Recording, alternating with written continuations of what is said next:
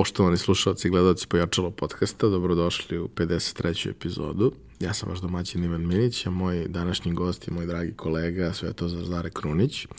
A, moj dragi kolega iz oblasti digitalnog marketinga, ali e, on se bavi onim e, zahtevnim stvarima u tome svemu, a ja, ja se trudim da se bavim onim lepim stvarima, zanimljivim, kreativnim, da se ljudi nešto mnogo ne opterećuju rezultatima i tako to, mada ponekad se i opterećujemo rezultatima, ali ti si u nečemu drugom i u tome si se profilisao prethodnih godina, iako si krenuo i ti iz najrazličitijih oblasti, ali kako bi objasnio prosečnom sagovorniku koji nije iz materije šta je ono čime se ti baviš?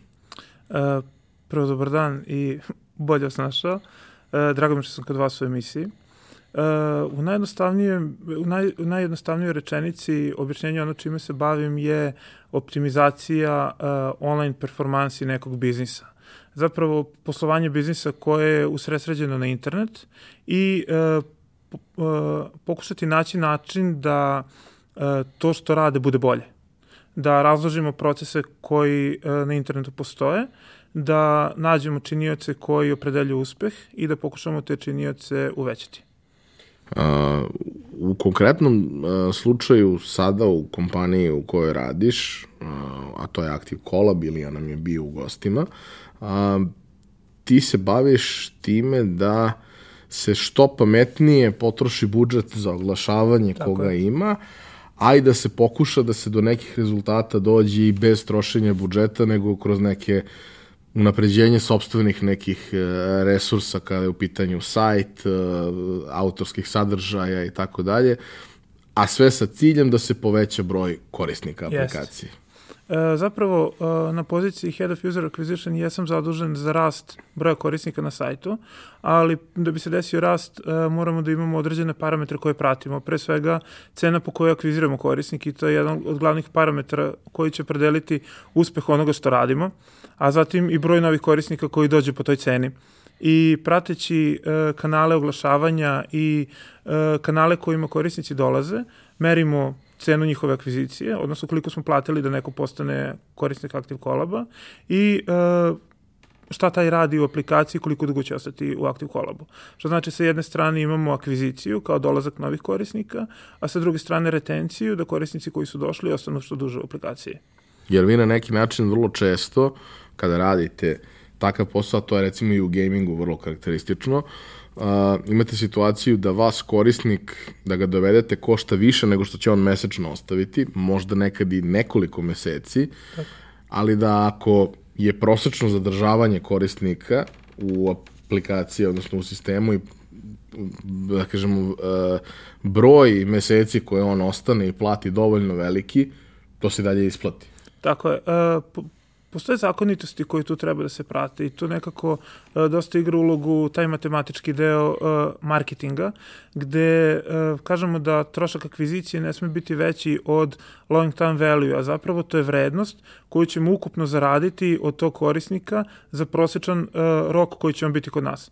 Uh, u praksi to znači da ako korisnik uh, 10 meseci koristi vašu aplikaciju ili igra igricu i on mesečno troši 10 dolara, to znači da će on nama kroz tih 10 meseci najverovatnije ostaviti 1000 dolara, je li tako?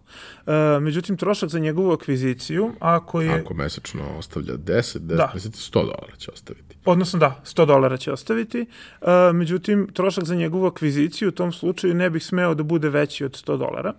Međutim, ako gledamo tako, onda kažemo da smo na nuli i praktično da smo retroaktivno vratili zarađen novac u akviziciju kada smo ga akvizirali, pre 10 meseci a da bi i ostvarili profit na njemu, kažemo da akvizicija ne sme biti veća od trećine tog e, novca koji će on nama ostaviti, u ovom slučaju 30 dolara.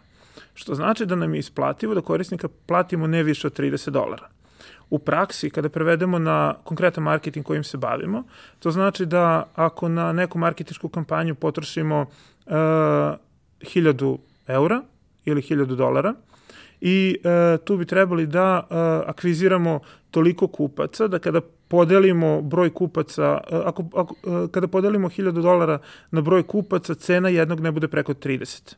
I onda kažemo da je cena akvizicije opravdana zato što je prosečno zadržavanje kup, kupca ili korisnika usluge 10 meseci i mi ćemo to kroz 10 meseci vratiti. Tako je, neki će ostati kraće, neki će ostati Tako duže, je. ali to će se, da kažemo, jedno, jedno drugo će iznivelisati Upravo. kroz vreme. Matematika i jeste takva da se ne razmišlja o pojedinačnom slučaju. Tako je. Osim ako tih pojedinačnih slučajeva ima dosta, onda postoji neki razlog zašto se grupiše oko, zašto odustaju svi oko drugog meseca. Tako je. Verovatno postoji neki razlog, pa onda tu tražiti razlog i pokušavati da se to reši, ali u suštini jedan će da ostane mesec dana, drugi će da ostane pet godina u proseku jedu sarmu. Mm, u proseku, da, u grubom proseku. E sad, uh, ovde je zanimljivo što uh, različite tehnike u modernom marketingu menjaju način kako ćemo se obhoditi prema kupcima ili korisnicima usluga i uz pomoć tih tehnika pokušavamo da što duže njih održimo na našoj platformi.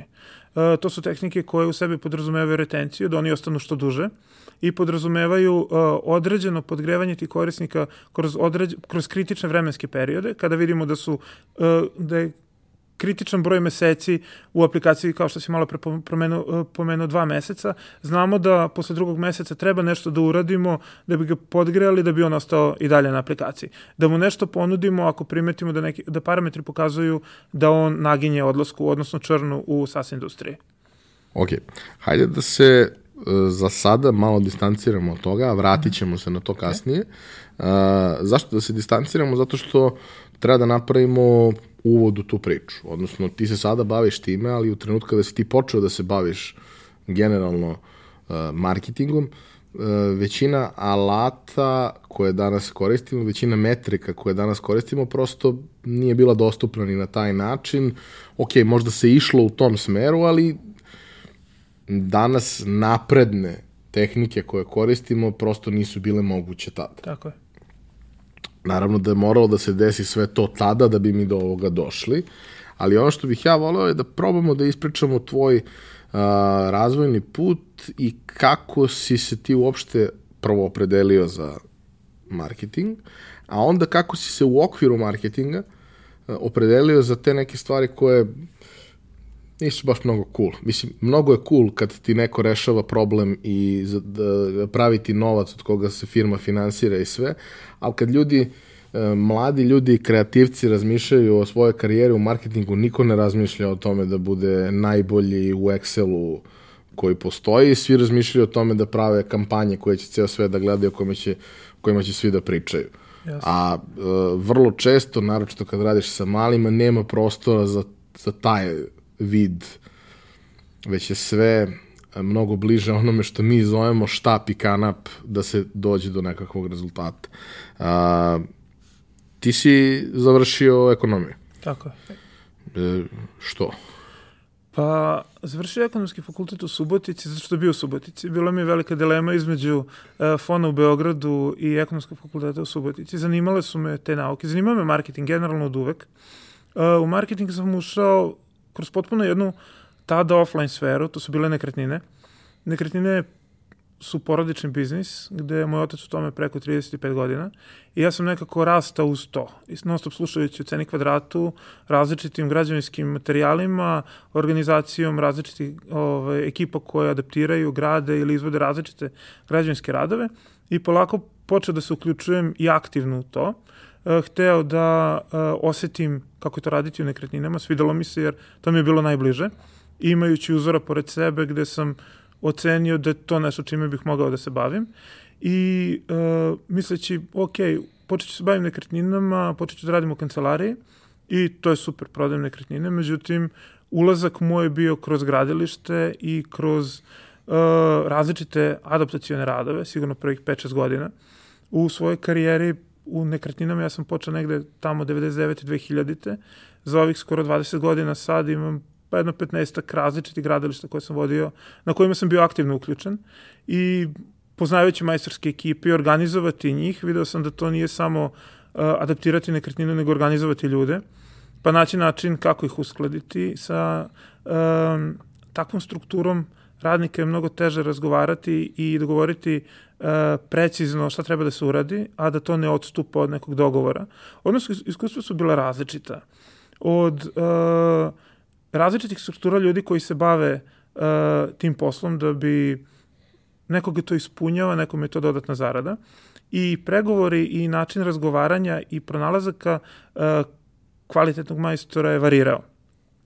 I onda dolazim do toga da je trebao neki marketing da pokaže zašto bi trebali da budu kod nas, odnosno da prihvate ponudu, posao, angažman, kako god u tom momentu zvali, nego na nekom drugom i kako da se vežemo za ljude da na duži rok možemo sarađivati, jer to je nešto čime smo se bavili u tom momentu. Mislim, bavimo se i danas, samo sam uh, mnogo manje aktivno uključen u poslove sa nekretninama, više posmatram sa jedne druge distance trenutno. I uh, kada sam prošao sve to, znao sam tačno uh, kada uđem u neku nekretninu, znao sam kada pogledam ćoškove, koliko ona može da košta, koliko treba da se uloži, apsolutno imam celu sliku uh, budućih nekih rekonstrukcionih radova i kako to može na tržištu da se proda i da li može i da li je taj moment sada. U zavisnosti od toga uh, znao sam da ponudim tu nekretninu na tržištu, da napišem oglas, da privučem kupce, da pronađem kupce i da uh, napravim idealan meč nekome da je to kuća i snova ili stan i snova i da predstavim na način da to zaista jeste. Ali ne samo predstaviti, nego uh, pokušati oceniti drugu stranu i uh, dobiti poverenje da može da kaže uh, neko ko tri meseca traži kuću i da mu prodamo stan. I da ga ubedimo da je stan zapravo za njega. Znajući njegove navike, uh, poslovno iskustvo, šta radi, čime se bavi, šta planira u narednom periodu, oceniš da je možda stan bolja prilika, jer imaš i stan koji za njega možda baš odgovara u tom momentu. I bilo je slučajeva, pa nisu baš toliko marginalni, ali su u manjem broju odnosu na ono kad neko tačno zna šta traži, da su ljudi dolazili sa kupovinom stana, da su kupili na kraju kuću ili obrnuto. Jer u tom momentu to je zadovoljavalo njihove potrebe na mnogo duži rok nego što su oni razmišljali.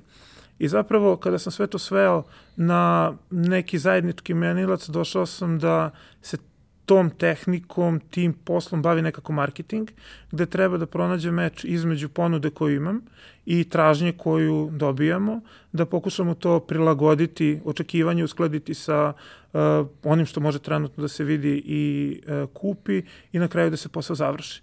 Tako da vremenom je to preraslo u uh, veće interesovanje ka tom matchingu, pronalaska uh, nekretnine za određene upite i spajanje prodavaca sa kupcem, uh, posredujući u tom poslu i preuzimajući kompletnu ulogu prodavca.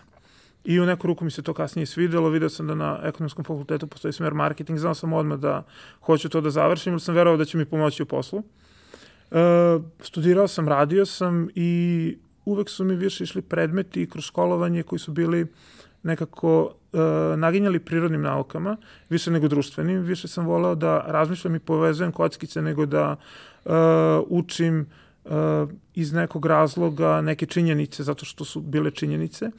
I tako su mi predmeti ovaj, ležali koje sam polagao i koliko sam napora ulagao da preko neke prepreke pređem. I to me na kraju profilisalo. Kada sam završio fakultet, počeo se bavim nekretninama, onda sam počeo da sanjam onaj posao, da sam u kancelariji, da nisam na gradilištu, međutim to je bilo samo ono, delom gradilište nešto što prati posao s nekretninama uvek, uh, ako želi da se napreduje u tome. E, pogotovo ako imate čoveka koji ima ocenu da u nešto treba uložiti x novca i da možete to da povrgnete i da kažete sa, sa punom sigurnošću da to možda i nije tako, da to može da se uradi na mnogo drugačiji način. I to smete da kažete, imate samo poznanje, jer ste to radili x puta pre toga i sa potpunom sigurnošću možete to da završite. I to je imate nek... ljude koji su od poverenja, koji, ljude, koji mogu da tako, urade taj posao kada dođe. To je građeno godinama ranije i meni se to svidelo. Međutim, paralelno sa tim zanimali su, zanimali su me računari od prvo Commodora do kasnije, ne znam, 94. 5. prvi 486 Pentium računar, internet smo dobili negde 98. godine I tad sam mi napravio prvi neki sajt. Zanimalo me kako to što imamo možemo da predstavimo. I čini mi se da sam 99. godine napravio prvu internet prezentaciju za ponude nekretnina koju imamo. Sećam se, bilo je na EUNetu i imali smo neke metrike koliko ljudi je to videlo, koliko ljudi posetilo sajt, tačno se sećam tih brojeva. I tada sam čuo da postoji još neki alat koji može da isto meri posetu na internetu, ali nisam bio siguran koji je tačniji, da li Euneto ili tada početak Google analitike, tako da sam eto 99. godine negde skidajući Internet Explorer 6 instalirao i prvu Analytics skriptu na taj sajt i tako sam ušao u svet analitike. I onda sam vladao podacima sa interneta, gde sam pratio koliko ljudi traži određenu nekretninu i pratio informaciju offline-u koju sam dobio kroz telefonske upite dolaske u kancelariju i pokušao da nađem, napravim neke trendove i da vidim kako sve to funkcioniše. I to se zahuktavalo sve više i sve brže kroz fakultet, gde kada završava marketing, završava onaj klasičan marketing bez ikakve primese digitala u sebi, Ja sam diplomirao možda 2007. godine, 2008. počinje Facebook, počinje Twitter ekspanzija i hajde da učiš ponovo sve. Opet se javljaju neke metrike, ne u toj meri na tim mrežama, ovaj, i dalje sve bilo više okrenuto društvenom životu nego prirodnom. Ipak prirodne nauke još nisu bile toliko duboko u društvenim mrežama kao sada. Ali vremenom kada je to dolazilo, imao sam utisak da sam spreman za to i da šta god da dobijem dalje od uh, nekih brojki za različite analize, ja sam to mogao da, ovaj, uh, da, da manipulišem podacima i da nađem određene iskre koje bi mogle da donesu neki interesantan posao, da naprave uh, neki zanimljiv zaključak ili da ocene neki budući trend koji će se desiti. Vidi, ako si ti mogao da izmenadžuješ majstore, možeš sve. Mislim da je to ono, po, počeo si igricu od kraljice, pa si onda krenuo te neke bazične stvari da prolaziš. U tom periodu sam imao dosta veliku podršku nekoga kod uh, koga baš nije bilo mnogo uh, prostora za, uh, kako bih rekao, uh, slobodnog prostora u dogovoru i učio sam kroz takav primer. I, i ja sam postao takav. Tako da ne težem tom perfekcionizmu, ali kada je u pitanju dogovor sa ljudima koji sređuju ili adaptiraju prostor, onda nema puno prostora za uh, sivu zonu da nešto nije de, ne def, da je nešto ostalo nedefinisano ili da je ostalo nedorečeno. Ili će se uraditi onako kako je najlekše, to često nije poželjno. Često nije dovoljno dobro Tako. rešenje. Uh, u suštini, ti si već tada, na, na, na, kažemo, na samom početku cele priče, počeo da postavljaš nekakve osnove za nešto što kasnije dolazi kao nekakav behavioralni marketing, kao to što i danas ljudima izazovo, to je da e, mere online konverzije mere offline, odnosno da e, znaju kako je kampanja koja je na internetu re, e, o, odreagovala u njihovoj radnji, u njihovoj prodaji, kakve rezultate dala.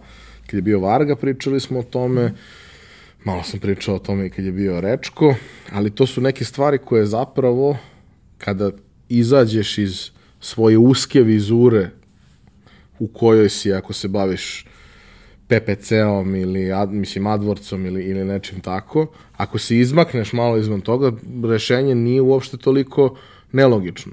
Ali kada si u tome ti vidiš samo, samo to. Tako. Mislim da tebi uh, je vrlo dragoceno prethodno iskustvo u kome si ti imao jednu mnogo širu sliku da danas možeš da se postaviš i da na taj način razmišljaš o svemu. E, to iskustvo je za mene neprocenjivo. U periodu kada sam se aktivno bavio nekretninama, mesečno sam preko 50 nekretnina ulazio u stanove i kuće i video kako to izgleda. Upoznao ljude koji to prodaju, koji tamo žive, koji rešavaju svoje neko životno pitanje prodajom ili kupovinom nečega.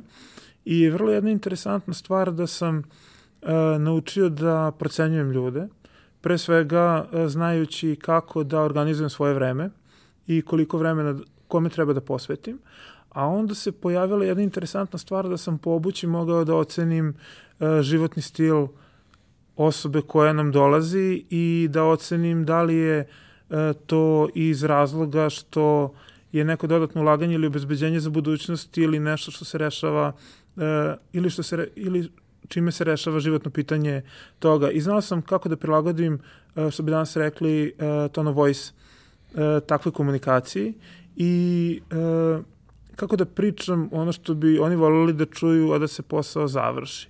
Point uvek bila na završavanju posla i to je nešto što sam naučio na samom početku i radeći, učeći kroz te različite predmete, uvek i taj obrat kapitala bio nešto što je što se merilo kao uspeh i brzina rasta neke kompanije, pojedinca, e, pravnog društva, e, fizičkog lica i razmišljajući to, e, tome sam posvetio i napor koji sam davao na fakultet. Bitno je bilo samo da se ide dalje za nešto što me nije pretrano interesovalo, odnosno uloženo mnogo više da se to uradi kako treba, da se postavi dobar temelj, jer sam verovao da taj rad uložen tada, da će doći na moment da kažem tako, naplate u nekoj budućnosti koju nisam u tom momentu video. Ali sam znao da me to privlači i da sam bio spreman da uložim e, sve, samo da to dobro savladam, da posle ne moram time da se bavim. Ono što negde mislim da je takođe bitno, to je da ti znači, krećeš iz uh, porodične priče, ali krećeš uh, sa, u industriji sa proizvodom uh, koji nije, mislim, konfekcijska stvar. Tako. Čak i ako je to drugi stan koji neko kupuje ili je investicijono kupovina trećeg, to nije beznačajna kupovina. Nikome nije sve jedno kad je to u pitanju. A, sa druge strane, način da se ta priča širi raste je da ljudi koji kupuju budu zadovoljni. Tako da, iako jeste poenta u zatvaranju tog posla, nije poenta da se ono zatvori po svaku cenu, nego da se zatvori na obostrano zadovoljstvo. Jasno nekad je potrebno malo pomoći pričom, da osoba sa druge strane shvati da je to ono što je treba, to si, to si negde i rekao, ali e, nije poenta obmanuti drugu stranu da bi ona posle šest meseci shvatila da je pogrešila. Yes. Poenta je samo joj skrenuti pažnju da možda problem koji ona ima ima više od jednog rešenja. E... A što ljudi vrlo često nisu spremni da da, da, da, da prihvate dok im se na pravi način ne, ne. Uh, uglavnom, u tom periodu uh, ranih 2000-ih, kada ja ulazim na to vrlo neuređeno tržište, uh, bivamo svedoci svakakvih naslova od nove gradnje i različitih manipulacija nekretninama i ljudi su u strahu, pogotovo nekome ko to, kome to nije investicijana stvar. I neko, ja sam tada imao uh, 20 godina, i bilo je teško da ja kao neko ko je potpuno neiskusan ubedim da to treba da uradi, da je to tako. Ali učeći na procesu kroz koji sam prošao, sam stekao i to znanje i osjećao sam se mnogo konfornije da razgovaram sa ljudima o tome i kroz tu priču sam ulivao poverenje i mnogo me, mnogo me taj period tada uh, formirao ličnost u kakav sam sada uneo mi tu smirenost u razgovor, uneo mi smirenost u rad, naučio me da se fokusiram i da uh, se skoncentrišem na zadati cilj. I to je nešto što sam uh, gradio radeći taj posao, jer sam po prirodi više impulsivni kupac nego neko ko razmišlja o tome da li mu nešto treba, pogotovo sada za vreme Black Friday. Različite godišnje ove uh, subskripcije sam se pretplatio zato što, hej, to je 30% na popustu, što ne bih uzeo. Ali realno ne treba i više se ponašam kao tako nego kao neko ko je uh, ko će to dobro da izvaga i da izmeri i da oceni da li mu treba. A kroz taj posao sam to naučio i vežbao sam godinama. Nije nešto što je došlo. E, dobro, kažeš da si iz Subotice, da si zbog toga u Subotici studirao i da ti to, to ti, tu ti je bilo. Tako. To ti je bilo. E, i u na kažemo vidljiviji spektar ovog posla kroz uh, kompanije koje su zaista na tržištu vrlo prisutne si ušao kroz priču koja je lokalna. Tako je. I ušao si u to prilično rano, proveo si jedno duže vreme i ban nam je bio u gostima. A, ali ono što je meni tu interesantno, mislim, to sam njemu rekao više puta, mislim čak da sam rekao i u toj emisiji, to je uh, ja mnogo volim Infostud. Mislim, od svih tih nekih lokalnih priča koje znam od samog početka, ima ih dosta koje volim to su sve ljudi koji su moji prijatelji i kolege, ali e, upravo iz tog razloga što je, su bili od starta opredeljeni na ovo tržište, a uspeli su da izgrade sve ovo što su izgradili. Imam posebno poštovanje za njih, naročito iz jednog razloga, a to je što je ne znam nijednu džukilu koja radi u Infostudu. A mislim, znam mnogo manje firme koje su u načelu dobre i ljudi su super, ali prosto, naš, zakon velikih brojeva. A ovde mi se nekako čini da su to sve bili ljudi koji su neki prvo pristojni ljudi, a onda ljudi koji negde imaju slične vrednosti i sličan odnos prema poslu. Pa pošto je firma sada već velika, ali ima jako puno stvari koje se urade, možda nisu baš uvek najefikasniji u svemu. Ali nisu ljudi koji imaju bilo kakvu pogrešnu nameru, samo prosto nekad nešto ne stigne, nekad nešto možda malo prokliza, a vrlo često sve stigne i sve bude kako treba. A, otkud ti uopšte u toj priči i kako izgleda tvoj put u infostudiju, jer pozicija nekog kao što si ti u sistemu koji i tada ima mnogo različitih stvari koje radi, je, verujem, bila vrlo izazovna. Uh, jeste, pre svega što sam napuštao jednu poznatu sredinu i svoju zonu komfora u tom momentu. Koliko god bili preduzetnici u tom momentu i trudili se i znaš kao kada si preduzetnik samo od tebe zavisi. Može da ne radiš dve godine, može da radiš 24 sata dnevno, ako izdržiš fizički. I uglavnom Mogu. kod takvih preduzetnika vidiš da imaju kauč u kancelariji negde. Jer treba i da se odmori. Tako Imam, je. Da. Ovaj, um, koliko god to bila uh, zona komfora, uh, ona je često izbacivala iz toga. I u jednom momentu sam upoznao Baneta i pričali smo, ispričao sam mu svoju neku priču. Otkud ja tu, šta radim sa ocem i kako. I tada mi je rekao da bih trebao da da, ni, da nisam siguran koliko dobro znam ako se ne takmičim sa drugima i to mi je ostalo onako vrlo duboko urezano tada, gde sam ja odlučio da hoću da probam da se takmičim sa drugima u smislu nisu pametniji od mene. Uh, ja znam koliko znam, znam šta sam radio za to da postignem i ja sam neko ko je potpuno vlada sa svojim znanjem i hoću to da probam. I tu smo završili razgovor, razišli smo se, to je bilo možda godinu i po dve, prema što sam ja počeo da radim u Infostudu. Ali stajalo mi to u glavi. E, tržište nekretnina, kriza se završila i prošli smo kako to treba, međutim uvek mi stajalo treba se takmičiš sa nekim. Na neuređenom tržištu to je mnogo teško, nije fair borba i ne, nije uvek, e, ne pobeđuje uvek ta upornost, taj rad koji si stekao, nego sam hteo da probam da nađem sredinu gde to moguće. Na, vidim na Facebooku mi je tada uh, iskočio oglas za posao na Infostudu, poslao sam poruku i u smislu, ja bih tu da konkurišem da vidim i hteo bih da testiram da vidim gde sam ja u odnosu na druge. Da li je to što znam samo previdno u zoni komfora u kojoj živim i radim ili je to zaista nešto što može da napravi razliku. Tada sam poslao CV u Infostud na mesto mar asistenta u marketingu u Infostudu. Prošao sam pet krugova zapošljavanja i na šestom sam bio primljen. Na tom šestom krugu su svi, svi koji su bili u Infostudu sedeli ispred mene, a bili su na menadžerskim pozicijama. Ovaj, e, tako da, ja, jako dobar izazov sam imao u svemu tome. Kroz taj razgovor sam naučio mnogo.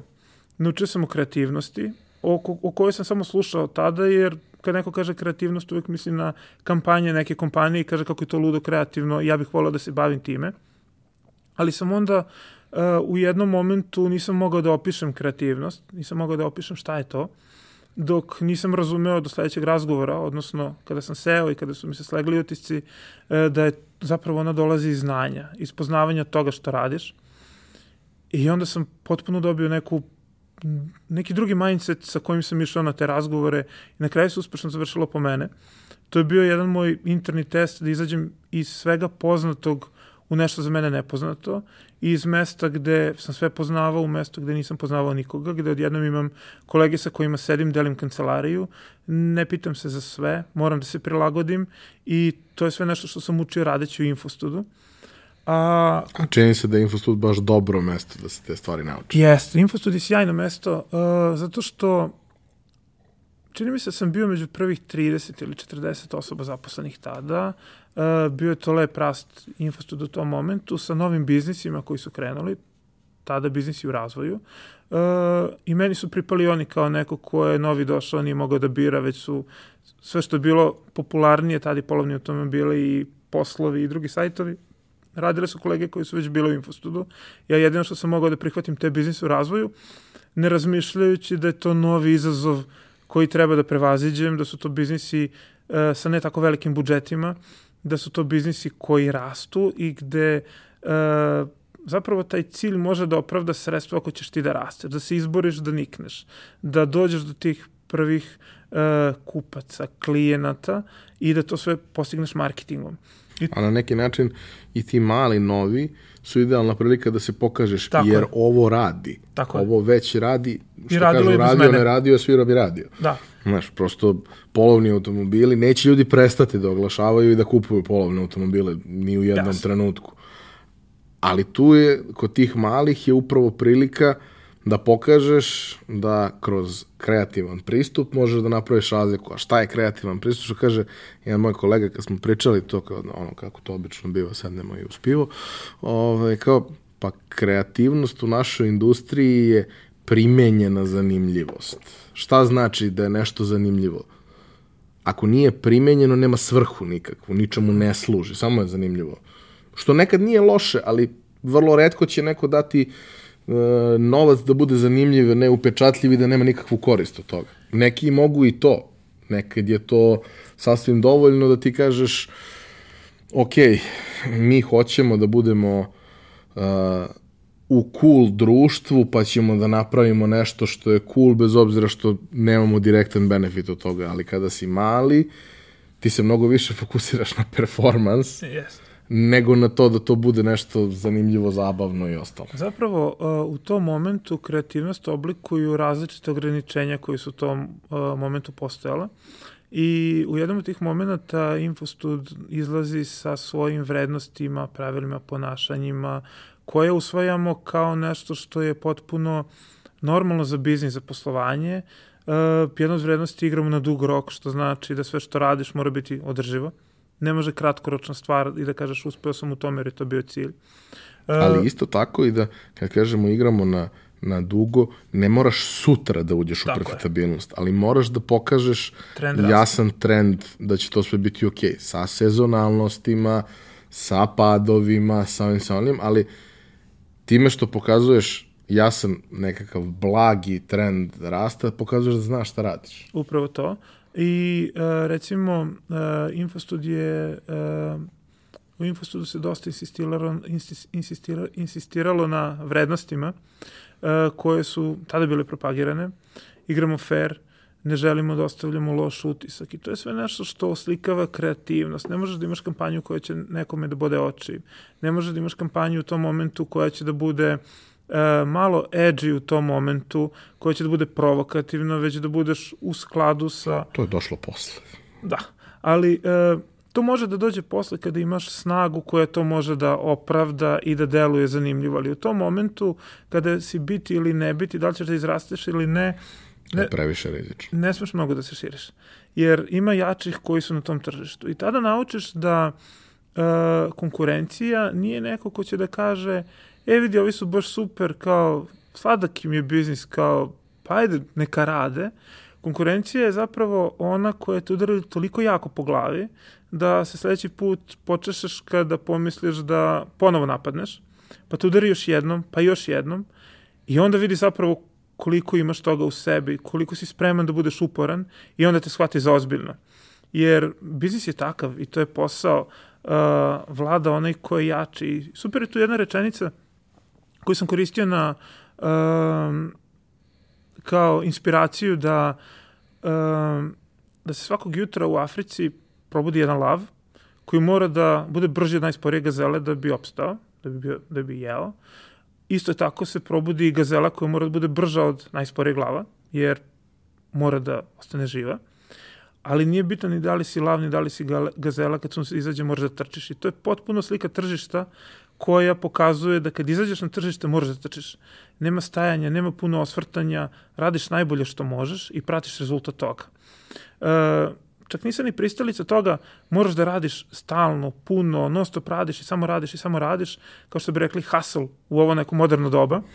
Ako, ne, daj Bože, nikad. Ako ti nemaš uh, parametar koji će da opredeli da li ti hasluješ u dobrom smeru, da li radiš u dobrom smeru. Ne stižem da razmišljam od posla. Upravo to.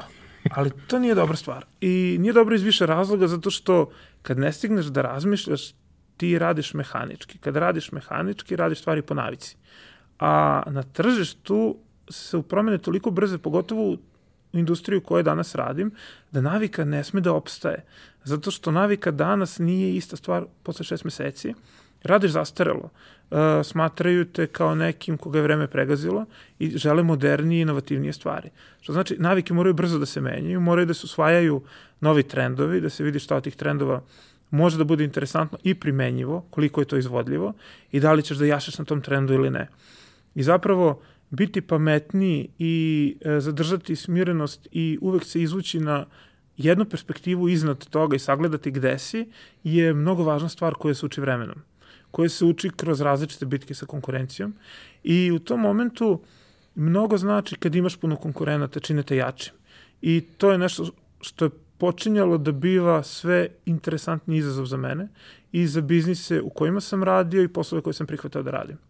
E, znao sam da će e, takvo nadmetanje, takvo razmišljanje i dolazak do znanja koje će prevazići e, takav neki zid samo doneti boljitak na duži rok. Za sada nisam pogrešio u tome. Napravit ću jednu paralelu, pošto i ti i ja volimo košarku. I sećam se kad sam bio klinac i mi smo redovno igrali, bili smo zaista sjajna jedna generacija, najviše zbog toga što smo bili jako dobri drugari, jako dobro smo se poznavali, pritom smo i atletski bili za to vreme izuzetno dobri, ali to što smo znali ko je gde bez da gledamo na terenu, to je, to je bilo najvrednije. Međutim, mi smo svi igrali u jednom sistemu koji je bio ulična košarka gde nemaš, mislim, nekad igraš brzo, nekad igraš sporo, ali to funkcioniše na jedan način. I onda se dešavalo, ok, deo ljudi je trenirao, igrao u klubovima, deo nije, ali u nekim situacijama i ti ljudi koji nisu su možda bili ključni za neke utakmice koje su trebale da se igraju. Međutim, a, kad dođeš u, u, iz jednog sistema u drugi, stvari ne funkcionišu na isti način. To je onaj moment kad ti izađeš uh, van reketa, uhvatiš loptu i uzmeš da razmišljaš šta ćeš da radiš dalje. Ti razmišljaj slobodno. Imaš svo vreme ovog sveta ako ti ne isteknu tvoje 24 sekunde. Tako Ako prevodiš loptu, onda imaš jedno 13, 14, 15, a možda i manje za tako nešto. Drugačije funkcioniš moraš da se, ono, da, da, da trčiš i pucaš. Nema sad, ja ću sad da vidim, pa ću da se zakopam negde, pa ću da čekam, čekam, čekam i onda ću da bocnem. Može i tako ponekad po nešto, ali svakodnevna stvar je trči i pucaj.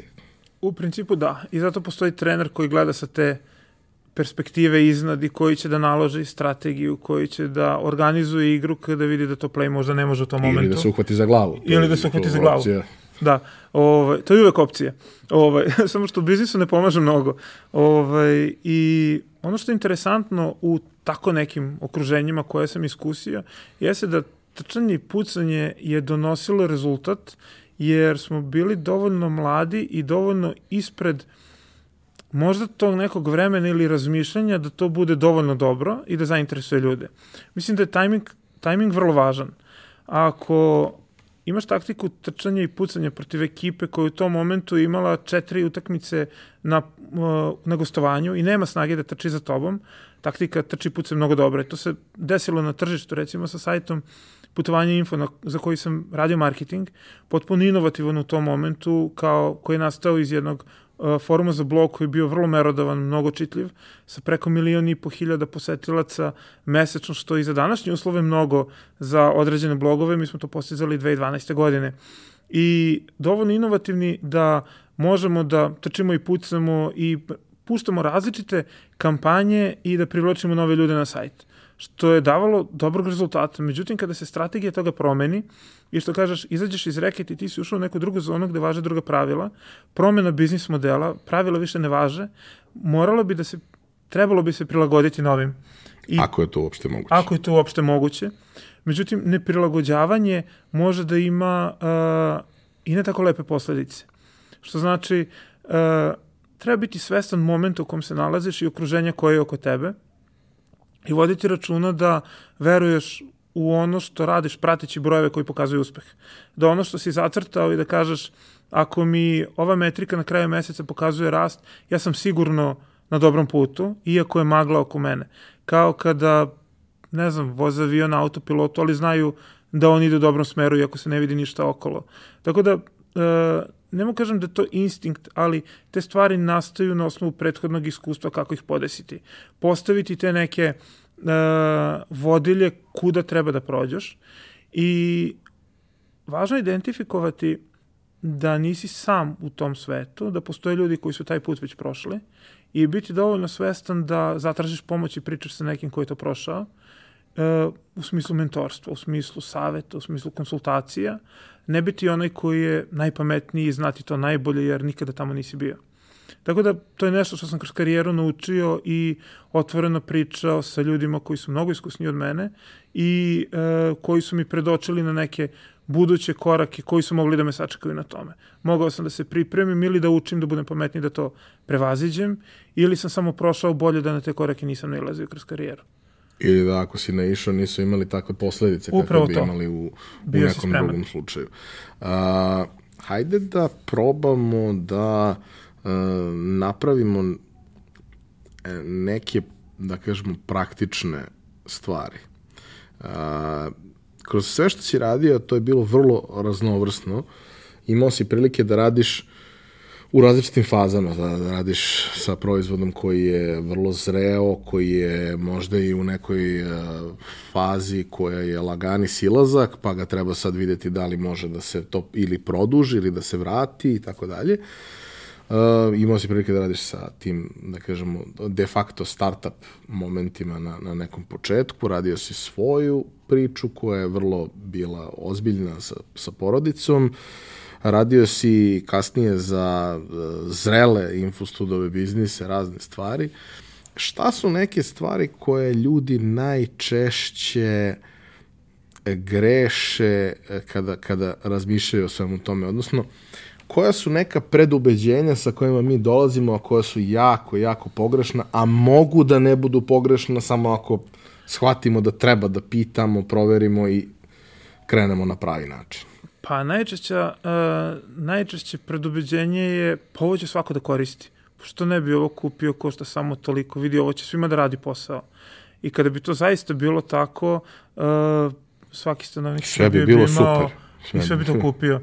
I najčešća greška jeste, e, nema kažem, nepoznavanje e, svog kupca. Posluješ deseta godina, posluješ pet godina, nešto si morao da znaš. Ali problem e, ne segmentiranja publike, ne segmentiranja poruke, odnosno neprilagođavanja poruke grupi kojoj se obraćaš. Zvuči malo kao floskula, targetirati, napraviti jasno definisane segmente i to je nešto što se danas uh, provlači kroz različite priče, kroz različite guruje koji propagiraju takav marketing. I to jeste donekle isto. Međutim, ispod toga je ono što niko to ne govori, a to jeste ponašanje tih ljudi zašto to koriste. I kada to saznaš, možeš taj proizvod i da prodaš. I onda ubeđenje, pa to svakome treba, odjednom dolazi, pa dobro, možda treba samo dva puta mesečno, do momenta, a kad su ta dva puta mesečno, do momenta, a da li ja onda mogu da mu prodam i kom je konkurencija u tom momentu? Zapravo, uradiš uh, na neki način uh, reverse engineering te polazne, uh, te polazne premise i vratiš se na početak i uvidiš da ti je konkurencija ili neko za čiji prostor se boriš mnogo drugi od onoga za kog si mislio kada si rekao pa, pa target je cela Srbija od 18 do 65 godina, svi će to da kupe. Idemo na sva najprodavanija mesta, stavimo reklame na sve billboarde, na sve moguće placementi i to je to. I, jedna I ne poruka, može da omane. Ne može da omane i poruka i slogan koji smo smislili je najbolji ikada koji smo imali. Međutim, ta poruka komunicira samo određenom delu ljudi kojima tvoj proizvod u datom momentu ne treba, zato što je možda sezonski ili zato što uh, korišćenje tvog proizvoda traje više godina, pa ni onaj prethodni se još nije potrošio, nema potrebe da ga kupe i kažeš, pa zašto nam kampanja nije uspela? Ali onda nastaje onaj uh, teži deo tog poraza kada pokušaš iz toga da izvučeš lep rezultat i da prikažeš da je to ipak bilo uspešno, pa kažeš, ali ti znaš koliko je ljudi videlo tu moj, taj moj oglas. Pa mi smo imali rič, bili smo preplavili smo, izlazili smo iz frižidera, videli smo se svugde, pa nismo se skidali s ekrana. Ali sve to onda ostaje samo u domenu jedne tamo kampanje Samo si nervirao ljude. Koja je imala najbolji kopi za tu kompaniju ikada koju su cenili ljudi iz te kompanije je tako? I niko drugi to nije prepoznao, ona se zaboravila. Sledeće godine u to vreme više niko nije znao šta si reklamirao, šta si imao. Pogotovo je to primetno kada neko od tvojih prodavaca mora da objasni to što si prodavao prošle godine ili da objasni kako to radi ponovo. I onda vidiš da marketing koji radiš i nije imao mnogo smisla, zapravo imao je smisla u situaciji kada ne meriš i kada imaš dovoljno budžeta da kažeš mora da se desi kampanja, kampanja se desila, cilj je ispunjen.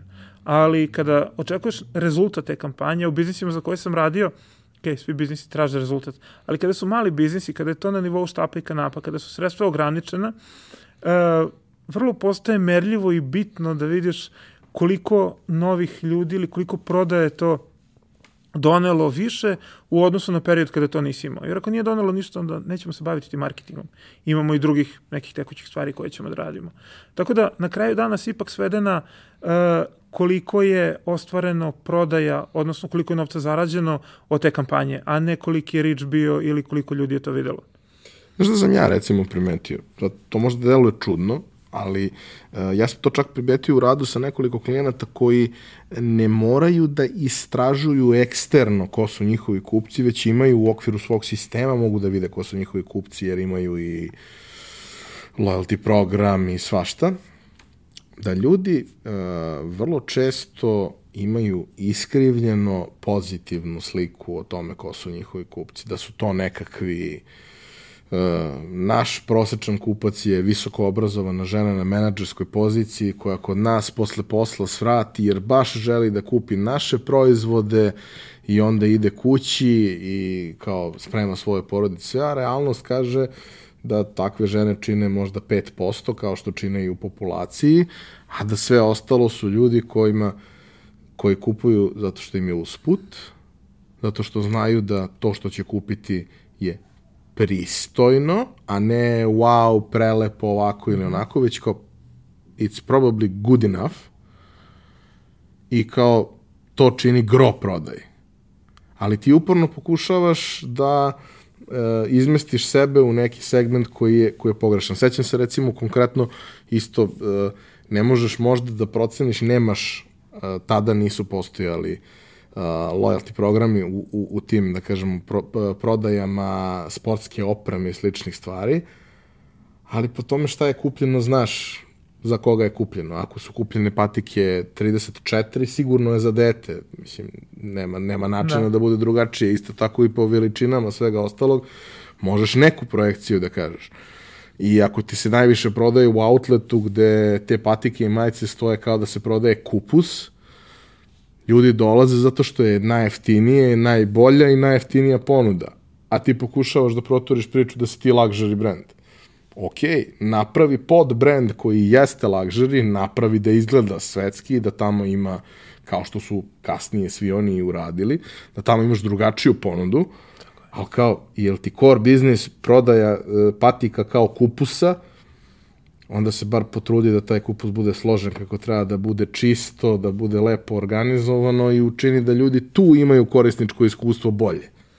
Uh, mislim da to sve proizilazi iz uh, kopanja podataka po različitim ERP-ovima, CRM-ovima i svim onim anketama koje uh, nehotice skupimo od uh, kupaca u razgovoru sa njima ili kroz sajt. Uh, sve češće vidim da Google radi uh, neke jednostavne ankete u analitici e, gde kaže da li si znao da je isto ovo postoji na mobilom, samo yes ili no. U AdWordsu da li si znao da imaš targetiranje, samo yes ili no. I um, sumiranjem takvih podataka o tebi, gde ti je u roku od jedne sekunde uzeo feedbacka da toga nisi svestan, on formira mišljenje o tome ko ti je kupac. I uh, ono što kažeš, trebao bi da prepoznaš kome si orijentisan i i ko ti čini core biznis. Jer na kraju dana uh, i često je ona paralela da li profit ili kupac ili klijent ili profit, kome se okrenuti. Na kraju dana biznisi postoje zbog profita, što ne isključuje da ne treba da se posvetiš i jednoj, i drugoj, i trećoj, i četvrtoj, i petoj ciljnoj grupi, ali moraš da znaš odakle ti odakle ti dolazi rast. Odakle ćeš to da investiraš u luxury brand i da kažeš ja bih volao da imam luxury brand, ali mi trenutno ne živimo od njega. Da bi... Ajde da ga razvijamo. Hajde da ga ali razvijamo. to je proces. Tako je. I to se ne dešava preko noći. Preko noći može da otvoriš prodavnicu, ali da bi dobio da uh, ona ima redovan revenju i da se on dešava iz meseca u mesec i da može da opravda trošak te prodavnice, e, to je proces, kao što kažeš. Tako. Mislim, ono što kažeš negde, a to je, e, dakle, da li si okrenut ka profitu ili ka korisniku. Pa u oba slučaja si okrenut ka oba. Zato što ako si okrenut ka profitu, osim ako ne gledaš e, period od mesec dana i take the money and run, ti moraš da vodiš računa o korisniku da bi on ostao i da bi ti ostavljao novac. Što više vodiš računa o korisniku, to će on duže biti tvoj korisnik i to će on trošiti više kod tebe. Mislim, nije to baš tako jednostavno i tako linearno, ali u suštini Tako je. nije da nije. I tu postoje metrike, recimo ako imaš korisnika koji redovno ostavlja, od kog redovno imaš profit, u tom slučaju si okrenut ka korisniku i važno ti je da on ostane tu. Ako imaš korisnika koji je one time kod tebe i dođe samo zato što mu nešto hitno treba i uopšte ne ceni tvoj brand, ne, ne konzumira vrednosti koje mu nudiš, onda si okrenut ka profitu. Možeš da kupiš kod mene, košta će ti toliko i znaš da nema nikakvu emociju prema tebi. Shvata to potpuno, ok, platio je nešto što mu u tom momentu hitno trebalo i završi si posao sa njim. Tako da, uh, uzimajući uvid podatke sa kojima raspolažeš, kako se ko odnosi prema tebi, a to imaš, tako što korisnik u tome apsolutno nema svest da je sve to ostavio, a ti kao neko ko uh, manipuliše, vrtiš te brojeve, sklapaš ih, uklapaš na različit način, tačno možeš da kažeš od ko korisnika zarađuješ koliko. I vraćam, mislim, uh, u SAS-u ti to pokaže da li će neko biti 10, 20 ili 50 meseci tvoj korisnik i koliko treba da mu se prilagodiš da on to ostane u odnosu na nekoga ko je napravio hit and run trial, prešao u pay, testirao dva meseca i otišao. U ta, za, za takve korisnike dok možda ne pokažu neko dublje interesovanje, pokušaš svakako da ih onboarduješ najbolje što može, ali pojenta ti je uzmeš profit, zaradiš što više, ideš dalje, jer znaš da ćeš to uložiti ka korisnicima koji zaista cene tvoju vrednost. E, ne kažem da je ovo pravilo ponašanja, ali nešto što ti biznis donese kao ponašanje kada treba da odlučiš kome se prilagoditi u datom momentu. I mislim da je to stalno igra prilagođavanja i iz jedne u drugu krajnost. Istina jeste možda negde na sredini. I pratiš i profit, pratiš i korisnike, radiš na svemu, ali postoje momenti kad treba ta odluka brzo da se donese. I pristalica sam da uh, odluke donesem u napred, da kada se one dese samo mogu da nastavim dalje da idem. Da me ne usporava u razmišljanju, donošenju odluke i vaganju tada nego jednostavno manje sam emocionalan kada to unapred učinim i onda samo znam kako da se ponašam kada se to desi. Vrlo često kada pričamo, ljudi uzimaju primere možda lokalnih većih kompanija, razne vrste servisa koji imaju nekakve subscription modele koji su za SAS karakteristični.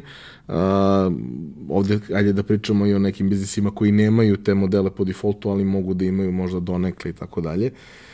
Kod nas generalno pojam brige o korisnicima ne postoji gotovo nigde i nikad. To, se, to je počelo da se pojavljuje onog trenutka kad su počeli da se pojavljuju internet servisi. Pa ako si na servisu za dostavu naručio 10 puta ovog meseca, stići će ti promo kod, sigurno. Ali ako si 10 godina korisnik mobilnog operatera, sigurno neće se setiti da ti ponudi nešto. Ponudit će ti nešto onog trenutka kad budeš teo da odeš. Tako je. E sad, dobre prakse počinju da primenjuju mali i oni negde rastu na dobrim praksama. Zašto veliki ne primenjuju dobre prakse? Pa mislim da su veliki okrenuti samo profitu i da su dovoljno veliki da mogu da kažu da, ok, boli ih kada nemaju novog korisnika, boli ih kada konkurencija otme korisnika i sve to mogu da razumem, ali su nekako više okrenuti uh, odnosno starim korisnicima, više su okrenuti ka tome samo da dobijemo novog korisnika, pa on kad uđe u naš sistem teško će iz njega da izađe. Imaju često i te negativne paterne gde moraš da napišeš delete da bi obrisao nalog, gde moraš da zoveš telefonom da otkažeš pretplatu, gde moraš da se cimaš da bi se otkači od tako nekog sistema. Da, i nekad se čak i vodi, vode time da neko neće uložiti dodatni napor da bi to uradio, jednostavno bit će mu preveliko cimanje da. i ostaće zarobljen, a mislim... Zato što često uh, možda gledaju da ulaganje dodatno u postoće korisnika koji je već jednom akviziran, već jednom plaćeno za njega, nema potrebe povećavati acquisition cost tog korisnika. Finansijskim nije opravdano.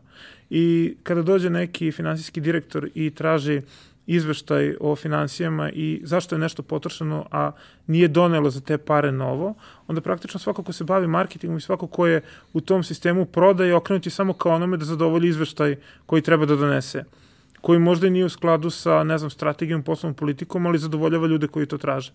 I misleći, valjda oni znaju šta treba, valjda su oni postavili strategiju, ne razmišljaš uopšte u momentu da li je to fair ili nije fair prema postojećim ili prema novim korisnicima. I onda se uvek setimo toga, ok, znam kada treba da odem od jednog operatera da krenem u moment prekidanja ugovora, znam da će se javiti da će mi ponuditi nešto novo. Da, mislim, To je nekako, da, to, to je vrlo, vrlo uh, čudan uh, i, i nepravedan model, jer kao uh, čak i ako si igrao Simse ili si imao Tamagotchi, znaš da ako ga ostaviš dve godine, bit će depresivan. Tako je. Ako ne ugine, bit će depresivan. A ovde, sa malim stvarima, možeš da napraviš veliku razliku i upravo ono što, što, što negde, da kažemo, tvoj sadašnji posao uh, znaš koliko je skupo dovesti novog korisnika, a znaš koliko jeftino možeš da zadržiš starog ako povedeš računa o njemu. E, pričao sam nedavno sa e, korisničkom podrškom servisa koji koristim i pitali, nudili su mi nešto što meni ne treba.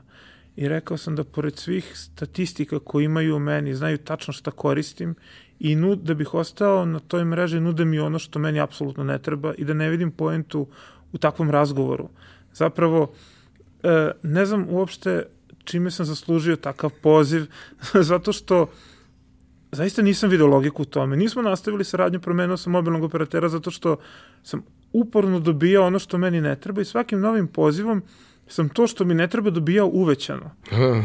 Evo ti više nečega što ne koristiš ni ovo što sad imaš. Upravo to, ali to što meni treba, e to ne može, to ćeš da platiš.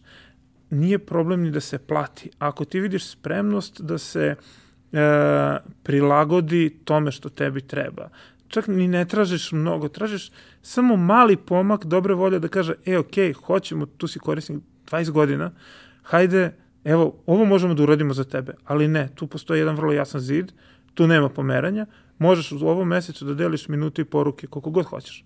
Ali to meni ne treba. Nije problem da se plati. Tako je. Problem je ako se ti konstantno osjećaš kao budalo. Upravo to. Ako te neko pravi ludim, a e, u konkretnom slučaju pričamo o metrikama koje svako može da vidi za pola sekunde i vidi da je od 330 poruka prošlog meseca ostalo 297, a ostale su za parking iskorišćene. A kao sve ovo ostalo što zapravo ti treba, pre svega u ovom slučaju, ne znam, nekakav internet ili nešto, a ne, ne, to ne može. Nije stvar para, stvar je toga da ja treba da pravim Frankenstein i da ne znam ni koji paket imam da bi dobio na kraju ono što mi, što mi je važno. A nije toliko teško. Niko od nas nije u fazonu uh, daj nam sve džabe. Ne, samo mi daj po normalnim uslovima. Nema me dovoditi u situaciju da uh, kupujem nešto četiri puta skuplje, što mi ne treba, da bih imao ono što je trebalo da dobijem i u ovom paketu koji, koji već koristim. Naravno. Uh, modern SAS to, tržište modernog SAS-a to vrlo lepo sankcioniše i uh, jako puno softvera ima u ponudi. Trenutno u kategoriji za koju se mi borimo, to je project management, trenutno ima preko 750 alata. I možeš ti da daješ nekome što mu to ne treba i da se vodiš logikom, pa tako rade svi veliki. Ali on ode na treći, ode na 750 i ode na 640 i tu uzme probu i kaže, vidi ovo mi rade posao. I nastavi da koristi kod njih. Uh, teško je zato što čitao sam uh, otvoreno, otvorenu diskusiju jednog blog posta gde je kompanija koja posluje u našoj branši ima prodajni tim od preko 50-60 ljudi. Tamo svaki zaposlen prodavac ima mesečni cilj da jednog korisnika mesečno prevuče od konkurencije. To mu je cilj od kog mu zavisi plata. I imaju novca za akviziciju, nije problem. Trošak akvizicije može da ide na 1000, na 1500, 1800, 2000 dolara po akviziciji, nikakav problem ako je cilj rast. I njegov zadatak je da prevede jednog čoveka od konkurencije. Nebitno od koje, od koga, ima pool od 750 tulova. Biraj iz koje ćeš. Samo mi donesi. I sad svakog meseca od, njih 50 svako dovlači jednog od konkurencije. Ode i njima, naravno. Ali sam izlazak u otvoreno i komunicirajući takav vid agresivne prodajne politike i strategije, jasno govori da je tržište nemilosrdno i da ako ne možeš da se boriš sa njim, moraš bar da budeš pametniji da svojim ljudima koji te koriste kažeš ok, ne bi trebalo da ideš od nas zato što mi ti dajemo ovo, rešavamo ti taj problem i bezbedan si kod nas. I zapravo taj marketing koji radiš ka spolja odjednom dobije jednu novu dimenziju marketinga kao unutra, u kojoj nije bilo mnogo priča u poslednje vreme. Je više se komuniciralo kako da akviziramo nove i kojom kampanjom to da uradimo. Malo se priča o kampanjama koje su interne. One se uglavnom ne vide njihovi uspesi se ne komentarišu, sakrivene su uglavnom od javnosti, vide ih trenutni ili postojeći korisnici, vide ih eventualno neki bivši koji su odnedavno otišli pa kažu e, falio mi samo taj jedan feature i onda mu pošalješ, e, sad to imamo, hoćeš da se vratiš. I to su oni pokušaj, hajde probamo da vratimo nešto nazad u naš funnel. Ali neko koji je otišao, jednom teško da će se vratiti ako bi bilo više razloga, a dobio od konkurencije možda samo nižu cenu u tom momentu. Iako su male sitnice koje mogu da prevagnu ako se neko stalno osjeća uh, kao budala koja nešto plaća, a ne koristi. E, da bi te sitnice mogli da prepoznamo, treba da imamo i taj internal marketing koji će voditi računa o toj retenciji i negovati te postojeće korisnike. Možda mobilni operateri nisu baš e, najbolji primjer, zato što moraš da budeš kod jednog od tri, četiri, koliko god ih ima, na kom god tržištu i uglavnom ih nema više od deset, na koje god tržište da odeš. I u najčešće se nijedan ne uklapa u ono što je potrebno. Tako je.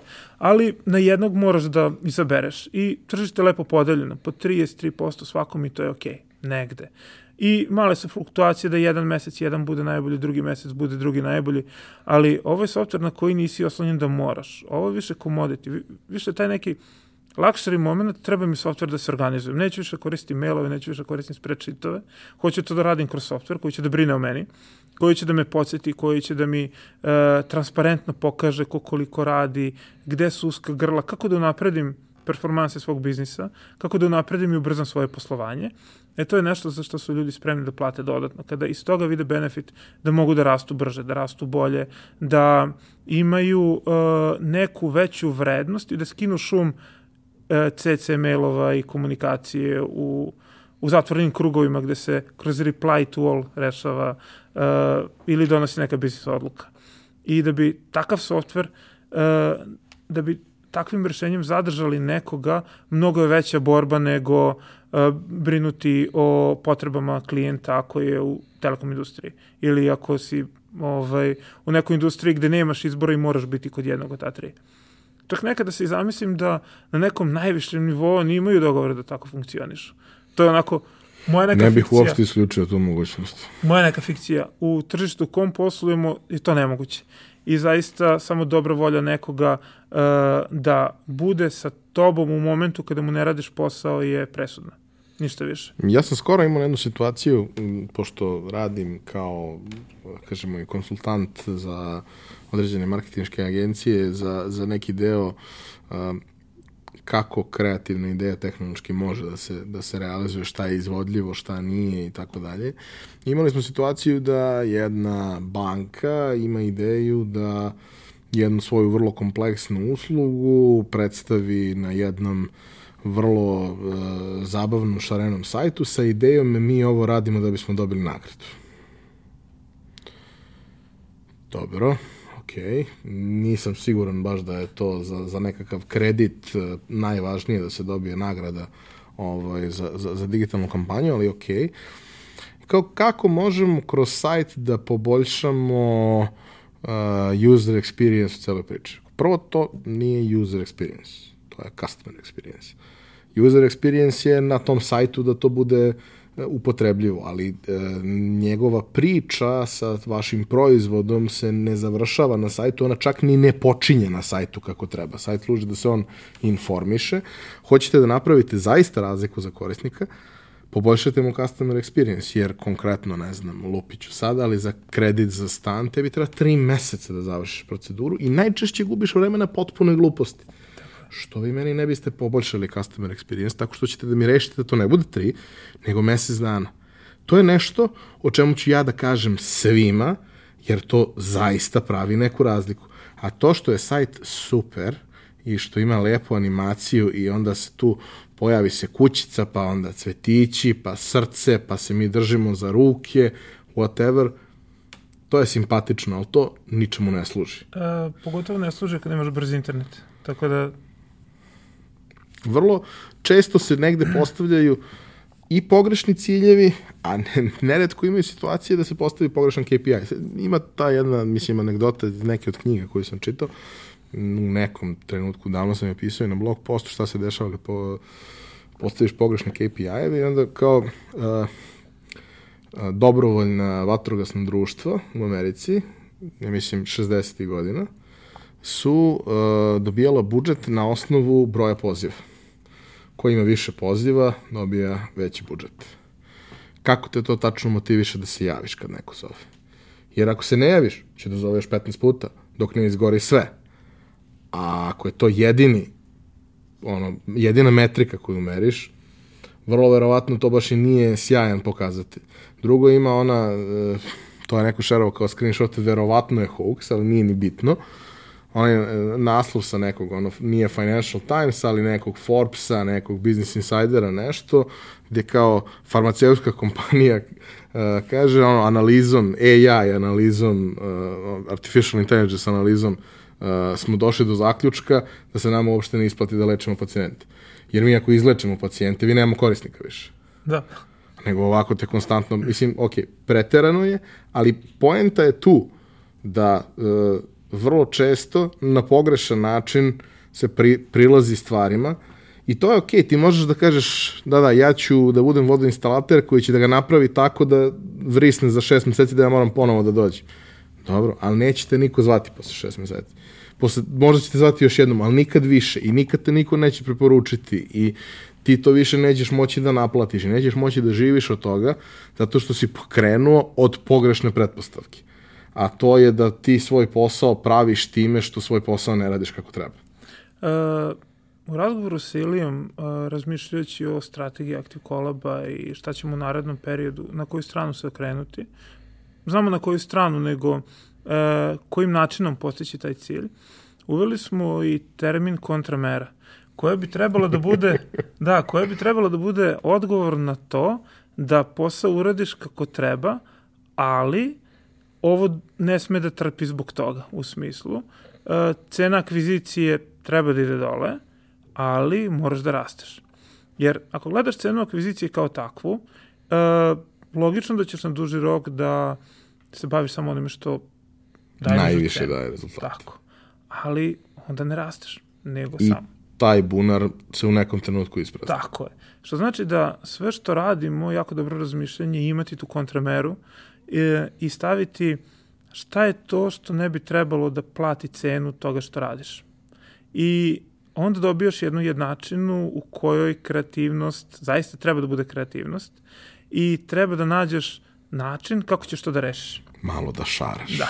E, i to je, to je izazov sa kojim se borimo danas. To je izazov koji nas tera da budemo pametniji od konkurencije koja uh, Uh, ima marketing budžete time što uzima investicije i to je velika razlika između konkurencije na tržištu i nas. Mi smo bootstrapped, što znači nemamo, ne uzimamo dodatne investicije za rast, rastemo onoliko koliko zaradimo, dok model koji funkcioniše po principu investicija uh, konkurišu, dolaze do VC fondova, znaš već kako to ide, uzimaju određene sume za rast, međutim, onda trošak akvizicije nema point, onda je poenta samo rasta i znaš da to nije na dugi rok održivo. Znaš da u nekom momentu ne može beskonačno investicije da ima jedan određen startup, on mora se ugasi. Problem je što u današnje vreme oni vrlo lako niču. I svako ima tu neku ideju koju proda fondu na način na koji je već naučio da prodaje fondu. Ranije je to bilo mnogo teže. Sada se pattern provali, sve više njih uh, vidimo u, u nekim vestima podigli su 50 miliona, 70 miliona, 25 miliona. I onda kažeš, Ok, ali to znači da on to mora da potroši na rast, što znači da on mora potroši 25 miliona godišnje na marketing, što znači da on uh, mesečno mora da troši 2 miliona i onda vidiš gde si ti u odnosu na to, koja je njegova cena po kliku. Pa šta možemo da uradimo sa hiljadu puta manje? Od prilike. kako, tome, kako na to da odgovorimo? I onda recimo dolazimo u situaciju da za ključnu reč za koju želimo da bidujemo, vidimo da je na tržištu koje je nama zanimljivo cena po kliku 26 eura. 26 dolara. I što znači da ako četiri klika promašimo, ode stotka. A kao, šta smo radili? Ništa. Da li imamo dovoljan uzorak? Nemamo. Možemo li s toga nešto naučimo? Ne. I zapravo to je ona to je jedna, jedna ona druga ograda koja će da opredeli tvoju kreativnost, kako, kako prevazići to, odnosno kako naći da taj klik bude pravi klik.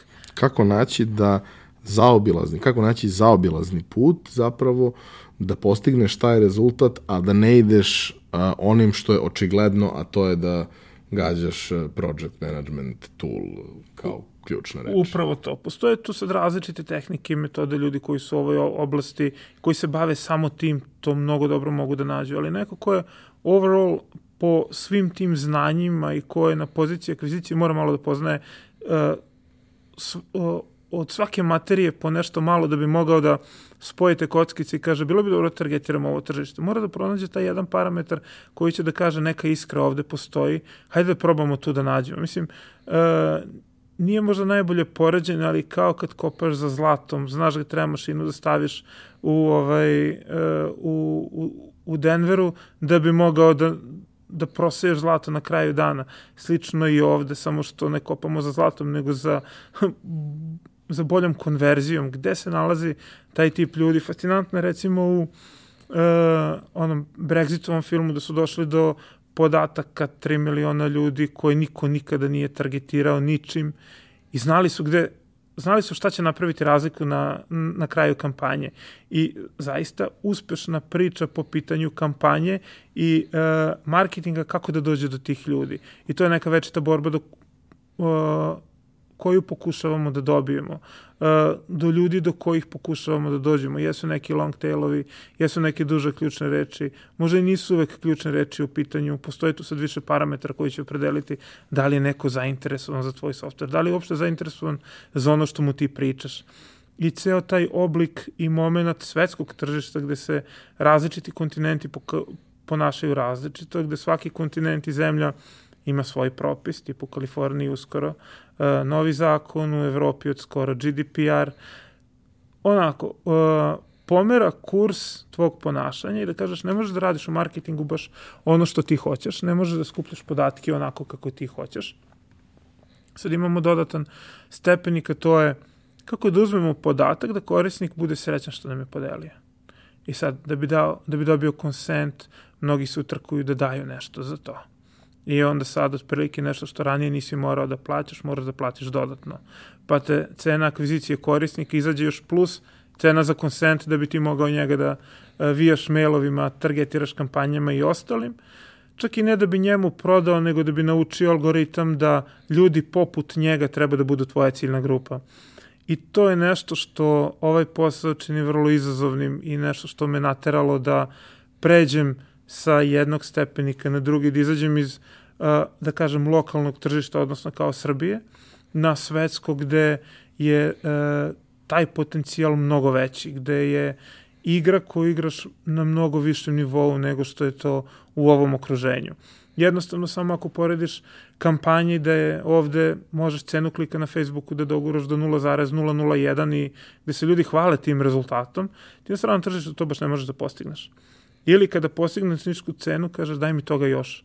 Hoću još toga da kupim, to je jako dobro, to je jako jeftino. I onda vidiš da li imaš dovoljno toga za neki uzrok da možeš doneti zaključak i reći ok, ovo je to što treba da imam, ovo je to što je moja ciljna grupa, ponašanje mojih dosadašnjih klijenata je na određeni način, identifikovali smo da se novi korisnici ponašaju na taj način na ovom tržištu, cena da dođemo do njih je ova, vratiš te podatke nazad u matematiku, vidiš da li si dobar na period od 10 meseci, da li je ta cena trećina tog perioda i kažeš, ok, imamo kampanju, njima komuniciramo određenu poruku, znamo na šta triggeraju, šta ih zanima, uskladimo poruku sa kulturom te tog tržišta, da ona bude razumljivija, da bude native, da ne bude Google Translate i pratiš efekte. I to je nekako način na koji pripremaš kampanju.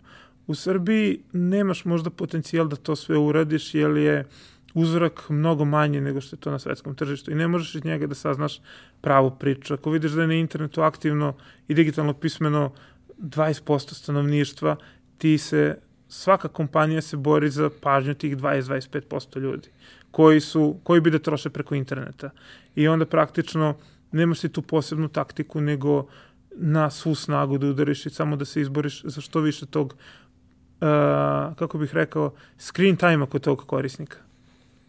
Ja nekako verujem da uh, razmišljajući o svemu ovome je jako važno da što više učiš o ljudima, da što bolje formiraš taj nekakav svoj unutrašnji ovaj, osjećaj, ali da se na njega ne oslanjaš. Da te on negde vodi, a da se oslanjaš na to šta ti kažu podaci. Jako dobra rečenica konferencije na kojoj sam često bio je data still beats opinion, što znači da podatak je taj koji treba da opredeli tvoju odluku, a utisak može to samo da potpomogne ili da posle kažeš, ej, ipak sam ja znao da je to bilo tako, ali od toga nemaš ništa posle. Dobro, ali e, od nečega moraš da kreneš, a moraš da kreneš, najčešće krećeš od onoga Yes. što imaš osjećaj da bi moglo biti dobro. Samo se nemoj oslanjati na to da je tvoj osjećaj jedino čega treba da se držiš. Ne, e, kao polazna tačka da. Kad nemaš ništa drugo za šta možeš da, e, na osnovu čega možeš da baziraš tvoj plan aktivnosti, jedina stvar na koju imaš jeste taj osjećaj. Jedino za to možeš da se uhvatiš i da- i da kažeš iskustvo mi govori da u prethodnom periodu ovde smo bili okej i počinješ sa tim. A dalje, e, koliko ćeš napredovati, koliko ćeš razviti da taj, i da taj osjećaj upgradeuješ za neki period, samo zavisi od tebe i koliko si sposoban da to što e, pokazuješ, izneseš pred druge i da se ne obrukaš, nego da napraviš poen, da odneseš taj poen u gostima. Da, da se izrazim na taj način.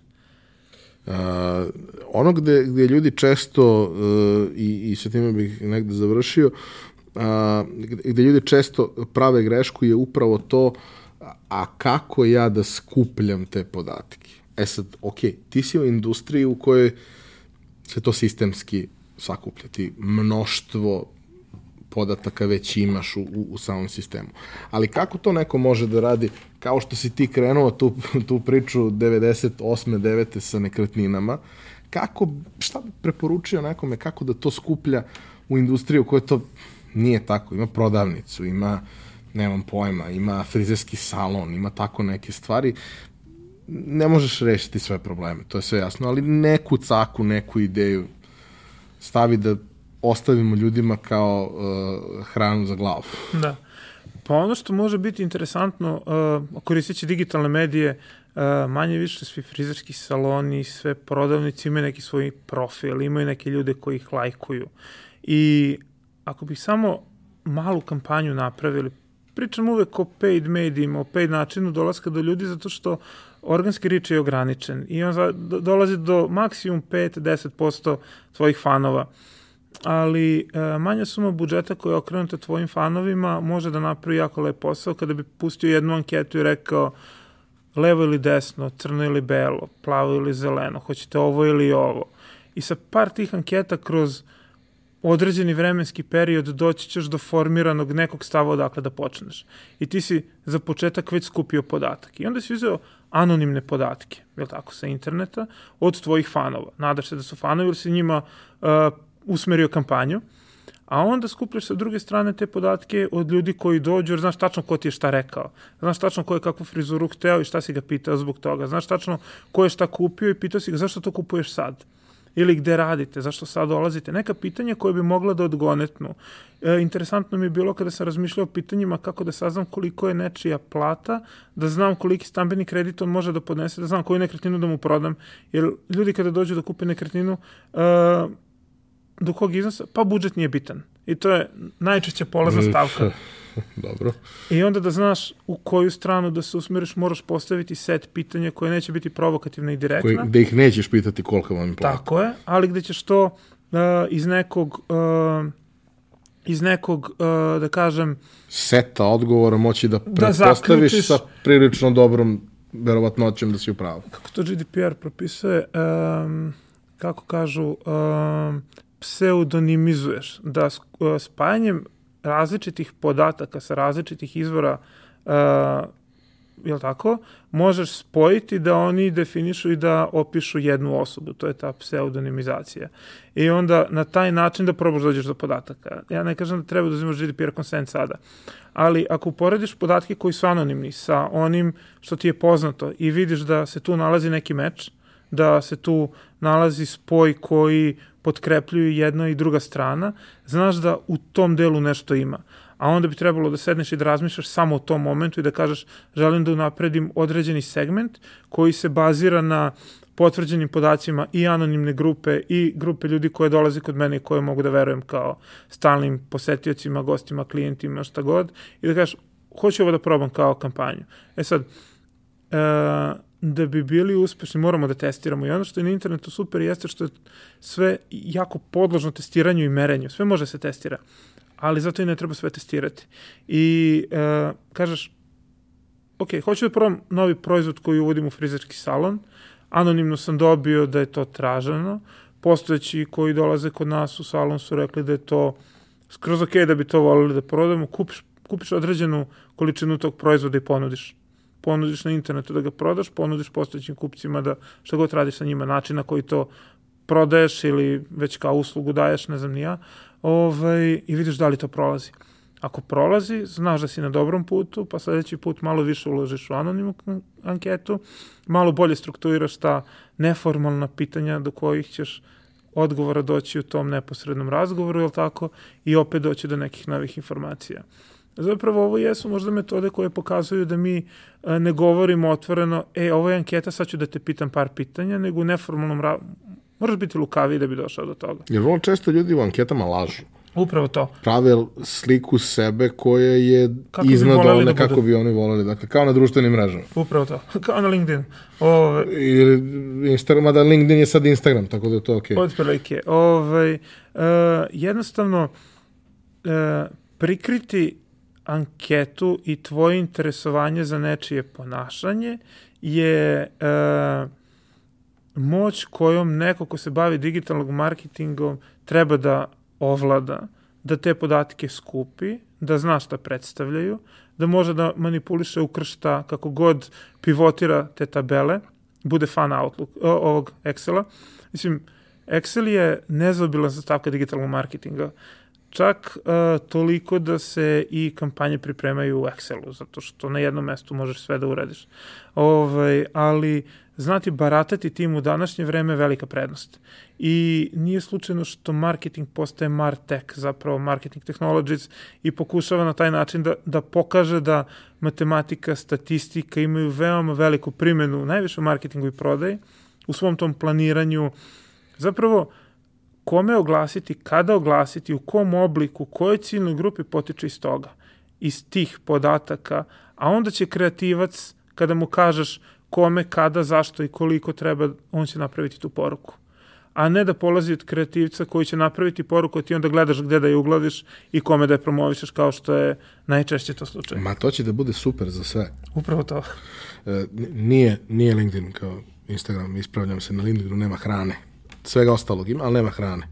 Tako da, eto, eto prilike, uradite nešto inovativno, plasirajte šta ste ručali na, na LinkedInu i to je sasvim jedna dobra informacija.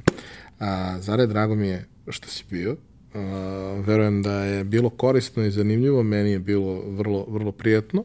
A, imamo ovaj, taj običaj već a, nekoliko epizoda da delimo knjige. A, sada ovog puta Grant Cardone, pravilo 10 puta. Ko je zainteresovan, neka e, ostavi komentar ispod ove epizode na YouTube-u i pre naredne ćemo izvlačiti tri dobitnika i poslaćemo im knjige, tako da ovaj, nastavljamo sa tom lepom praksom. Pokazalo se da, da su ljudi vrlo zainteresovani, imali smo neke ove, komentare do sada već koji su bili onako prilično uh, da ti se formira nešto lepo, toplo oko srca. Imali smo uh, jednu situaciju koju moram da pomenem, a to je da nam se javila devojka koja je dobila knjigu, koja je zamolila da sačekamo sedam dana sa slanjem, zato što treba da se porodi u tih sedam dana, a pojačalo je omiljena zanimacija dok, je, dok u porodilištu čeka to. Ovaj, tako da e, ona je već među vremenu dobila sad već knjigu, ovaj, ali svaki dan, maltene svaki dan dobijamo neke sjajne poruke od ljudi to na neki način e, dosta pomaže da motivacija celog tima ostane na, na nivou na kom je. Uh, tako da tebi hvala još jednom što si bio. A vama, dragi korisnici, odnosno dragi slušalci i gledalci, hvala na pažnji koju nam, koju nam pružate i kao i do sad molimo vas da sve svoje komentare, predloge, ideje, kritike pošaljete na, za to predviđeno mesta na društvenim mrežama ili na mail ili na nekom od narednih druženja da dođete i kažete nam i ako je nešto super, a i ako nešto baš nije, kako da bude bolje. Mi na kraju dana ovo radimo zbog vas i zaista se trudimo da bude sve bolje i bolje iz, iz nedelju u nedelju i sve zanimljivije i da kada pogledate nekoliko epizoda, svako nađe nešto što je baš za njega, jer nije svaka priča za svakoga, iako iz svake priče može nešto da se nauči.